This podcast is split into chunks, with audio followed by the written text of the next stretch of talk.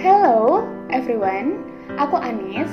Kembali lagi di podcast Diary di mana podcast ini akan membahas tentang kehidupan. Again, always remind you guys, if you have something interest to share, don't worry to send your story on my email anisonpodcast@gmail.com yang nantinya cerita kalian akan aku pilih dan dijadiin topik episode selanjutnya. Hey teman-teman semuanya, how are you guys? How's going on? Hopefully everything's going great and stay blessed wherever you are. Aku juga mau ingetin, ini kan pandemik menurut aku nggak tuntas-tuntas ya. Mari kita sama-sama berdoa supaya pandemik ini cepat selesai dan kalian tetap jaga kondisi, jaga pola makan dan jangan lupa untuk olahraga. Di episode kelima, aku akan bahas dari email yang udah masuk dia itu dari salah satu listener, nama dia Reza. Reza ini asalnya dari Jakarta. Hai Reza, by the way, thank you ya kamu udah mau share cerita menarik yang asik untuk dibahas. Oke, langsung aja. Aku bakal cerita isi email Reza secara singkat. Jadi Reza adalah seorang pegawai di salah satu cabang company di Indonesia. Dan menurut dia itu, dia itu adalah orang yang disiplin di segala hal, baik hal kecil sekalipun karena Reza itu uh, cenderung orang yang perfeksionis. Sampai kadang-kadang Reza itu merasa kalau punya sifat perfeksionis itu ngebuat dia kadang-kadang keganggu sama aktivitas keseharian. Karena Reza itu kayak terlalu detail dan misalnya dia dapat project yang gak sesuai sama pandangan dia itu dia tuh gampang stres bahkan sampai susah tidur.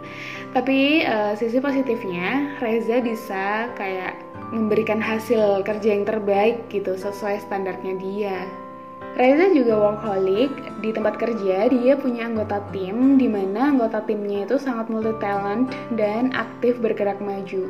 Pokoknya kata Reza, timnya dia itu orangnya pintar-pintar dan Reza sangat suka hal itu. Setiap ada project dia selalu happy banget kerjainnya, bahkan selalu hack result ending. Tiga tahun bareng tim solid, tiba-tiba dia harus pindah ke kantor cabang lain yang mana beda kota uh, ya walaupun satu company tapi dia bakal dipindah gitu loh. Dan di situ Reza bener-bener shock tapi dia mau nggak mau harus nerima. Reza bener-bener ngerasa harus start from zero about adaptation to manage all things. Pokoknya dia merasa walaupun sama-sama satu company tapi karena beda cabang jadi dia merasa kayak orang baru di sana. Dia harus say hello memperkenalkan diri pokoknya dengan lingkungan yang baru di kantor yang baru, Reza juga punya tim. Uh, dia menilai tim di kantor yang baru nggak jauh beda kok sama tim yang lama. Semuanya bisa jadi teamwork yang bagus. Reza juga nggak ada masalah dengan itu. Tapi setelah berjalan kerja 4 bulan di kantor yang baru, Reza baru merasa kayak kok tim aku nih tiba-tiba ada yang beda ya gitu. Ternyata Reza merasa bahwa beberapa orang di dalam tim dia mulai meremehkan kinerjanya Reza. Padahal kayak dari 10 orang di dalam tim itu yang gak sepandang sama kinerjanya Reza itu cuma empat orang aja. Jadi yang enam orang itu sebenarnya gak ada masalah. Nah di situ Reza coba positive thinking and take role positive and negative comment dari empat orang tersebut Reza meminta maaf sama tim, terus dia berusaha banget mana yang kurang, mana yang harus ditambah. Pokoknya dia benar-benar mencoba memperbaiki kinerja dia agar semuanya berjalan lancar dan tidak menimbulkan konflik di kemudian hari di dalam tim itu. Karena Reza itu orang yang sangat respect sama semua anggota tim. Reza itu benar-benar gak peduli gitu loh mau kamu lebih tua, mau kamu lebih muda he doesn't care about it pokoknya Reza itu selalu respect sama orang sama tim dia gitu. Dan seiring berjalannya waktu apa pun yang Reza usahakan apa pun kinerja yang Reza buat itu selalu dipandang sebelah mata sama keempat orang itu. Jadi Reza tuh sampai bingung kenapa ya keempat orang ini tuh kayak nggak pernah puas sama kerja yang udah aku hasilkan? Padahal yang enam orang itu nggak ada masalah. Jadinya malah uh, membuat rugi tim yang lain karena pekerjaannya harusnya selesai on time jadi nggak bisa on time. Di situ Reza udah mulai agak stres, dia ngerasa ada tanda-tanda gak nyaman sama tim dia. Reza merasa ada yang gak beres sama keempat orang ini. Kenapa ya selalu kompak menilai kinerja Reza itu buruk? Berkali-kali Reza berusaha untuk memperbaiki kinerja dia, berkali-kali Reza selalu diremehkan, dan berkali-kali juga Reza meminta maaf. Akhirnya Reza coba kasih space ke dirinya sendiri, dia coba kontrol emosinya, dia coba introspeksi diri juga, dia juga coba observe ada apa sih di dalam tim dia ini kenapa empat orang ini selalu nggak setuju sama kinerja aku. Ternyata setelah ditimbang-timbang Reza merasa ada jiwa kompetitif di dalam tim dia Reza udah coba berkali-kali berjuang berusaha untuk memperbaiki kinerja dia tapi tetap aja keempat orang ini nggak setuju akhirnya Reza udah ada di level capek dan ngerasa dia udah nggak respect sama keempat orang ini jadi benar-benar dia disrespect sama keempat orang ini dan dia mengajukan surat untuk pindah ke cabang kantor yang lama. Jadi itu cerita singkat dari kisahnya Reza. Pasti banyak ya orang yang pernah mengalami cerita yang sama persis kayak Reza di dalam dunia kerja ada orang yang respect, ada yang disrespect, ada juga yang pengen banget kelihatan menonjol dan dominan di dalam tim. Dan ngomongin disrespect, disrespect itu apa sih? Disrespect itu adalah seseorang melepas respect atau rasa hormat kepada seseorang karena adanya rasa kecewa yang bertubi-tubi. Bahasa kasarnya tuh kayak aku yang awalnya hormat, aku jadi nggak hormat lagi atau bisa dibilang kayak don't care anymore. Like whatever you said whatever you did I don't care. Kayak gitu ya. Jadi yang apa pun yang kamu omongin apa pun yang kamu lakukan aku udah nggak peduli lagi titik. Kayak gitu sedangkan respect kita tuh sangat sangat membutuhkan perilaku respect karena respect itu selaras dengan kehidupan menurut aku respect itu mengartikan gimana manner kita, gimana tata krama kita, gimana watak kita kepada seseorang. Jadi arti respect itu sangat luas kaitannya sama kehidupan dalam bersosialisasi. Dan di dalam dunia kerja pasti banyak ya yang nggak bisa kita kendalikan. Apalagi udah berhubungan sama manusia. Contohnya kasusnya Reza. Dia ada di dalam sebuah tim berarti dia menghadapi banyak kepala, banyak opini dan pendapat. Terkadang yang untuk menyatukan satu suara itu sangat sulit dan hal ini bisa aku bilang kayak sebuah ujian lah di dalam tim.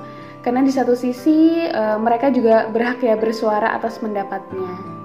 Tapi kita juga harus bisa ya berpikir rasional karena kalau ngomongin pekerjaan berarti kita tuh udah ngomongin tentang profesionalisme yang berhubungan dengan pihak lain. Dan di dalam teamwork, tim itu pasti ada leadernya. Dan dengan kasusnya Reza, di dalam tim ada 10 orang yang gak setuju 4 orang. Berarti kalau kita lihat dari hasil voting, sebenarnya Reza itu nggak salah. Cuma mungkin karena Reza respect sama tim dia, dia coba terima kritik dan saran dan senantiasa berusaha untuk memperbaiki itu sampai kebablasan mungkin ya. Tapi ya kita harus kembalikan lagi sama leader leader itu harus mengambil keputusan kalau ada teamwork agar tidak ada konflik dan tidak ada yang dirugikan satu sama lain. Dan tentunya hal ini bisa kita jadikan pelajaran ya untuk kita semua. Mungkin ketika pembentukan teamwork kita itu harus memiliki kesepakatan sebelumnya. Contoh seperti siapa yang menjadi leader Kebijakan apa aja yang harus diikuti. Karena ternyata sangat menentukan bagaimana kinerja sebuah tim berjalan Dan menentukan juga nasib dari anggota tersebut dan aku mau bilang bahwa manusia itu memiliki keterbatasan dalam hal sabar, dalam emosi, dalam apa pun itu. Ketika manusia dikecewakan sekali, biasanya dia akan menoleransi dan memaafkan kecewa kedua kalinya dengan orang yang sama, proses positive thinking itu biasanya masih berjalan. Dia kayak masih, oh ini masih bisa ditoleransi. Oke, oke, oke. Dan ketiga kalinya biasanya stres udah mulai terlihat, dia udah mulai kayak tertekan, mulai depresi, mulai bingung dan banyak pertanyaan. Keempat, kelima, kesekian kalinya biasanya dia akan menyerah dan udah nggak peduli lagi. Hal ini menurut aku adalah hal yang wajar karena kita bukan robot, kita itu punya hati, kita punya nurani yang juga harus kita pedulikan gitu kan. Kita tuh memiliki hak atas diri kita untuk bebas dari stres. Ingat ya, bebas dari stres itu juga hak untuk kita semua. Kita berhak untuk mengatur batasan-batasan apa aja untuk diri kita. Selama hal itu mengarah ke hal positif dan tidak mengganggu produktivitas di keseharian, just go on. You deserve it. Dan disrespect itu nggak ada salahnya ya menurut aku selama faktor-faktor yang membuat kita memutuskan disrespect terhadap seseorang itu rasional itu nggak apa-apa. Tapi dengan catatan kita jangan sampai ya ketika kita disrespect terhadap seseorang terus kita jadi jahat, kita jadi benci. Jangan sampai seperti itu ya cukup dengan memaafkan dengan diam dan cukup menjaga jarak dan tetap baik gitu itu udah sebuah solusi yang pas menurut aku. Aku juga mau bilang buat Reza, thank you udah share ceritanya. By the way, you read the best. Sometimes kita tuh juga berhak memutuskan siapa yang layak mendapatkan respect dari kita. Kita berhak untuk bebas dari stres dan dari cerita kamu, at least kamu udah berusaha semampu kamu dan kamu udah mengambil keputusan yang tepat. Jadi tetap semangat di luar sana dan jangan berhenti jadi orang yang baik manusia itu memang terkadang susah ditebak ya. Manusia tuh memang cannot constantly in time. Kadang hari ini moodnya bagus besok udah beda lagi deh ceritanya tapi kita harus tetap bisa uh, kontrol diri kita dan membawa diri kita tetap dalam lingkup yang positif. Jangan sampai apa yang kita pilih itu bisa merugikan diri sendiri bahkan orang lain. So keep wisely to choose. Oke, okay, mungkin itu aja yang bisa aku bahas di episode kali ini. Sebelum closing, aku mau ngucapin thank you kalian semua yang masih setia dengerin podcast aku. And as usual, I wanna tell you one quote. Respect also need respect. Menghormati itu juga butuh dihormati. Oke, okay, thank you. See you on the next episode. Have a good day. Bye bye.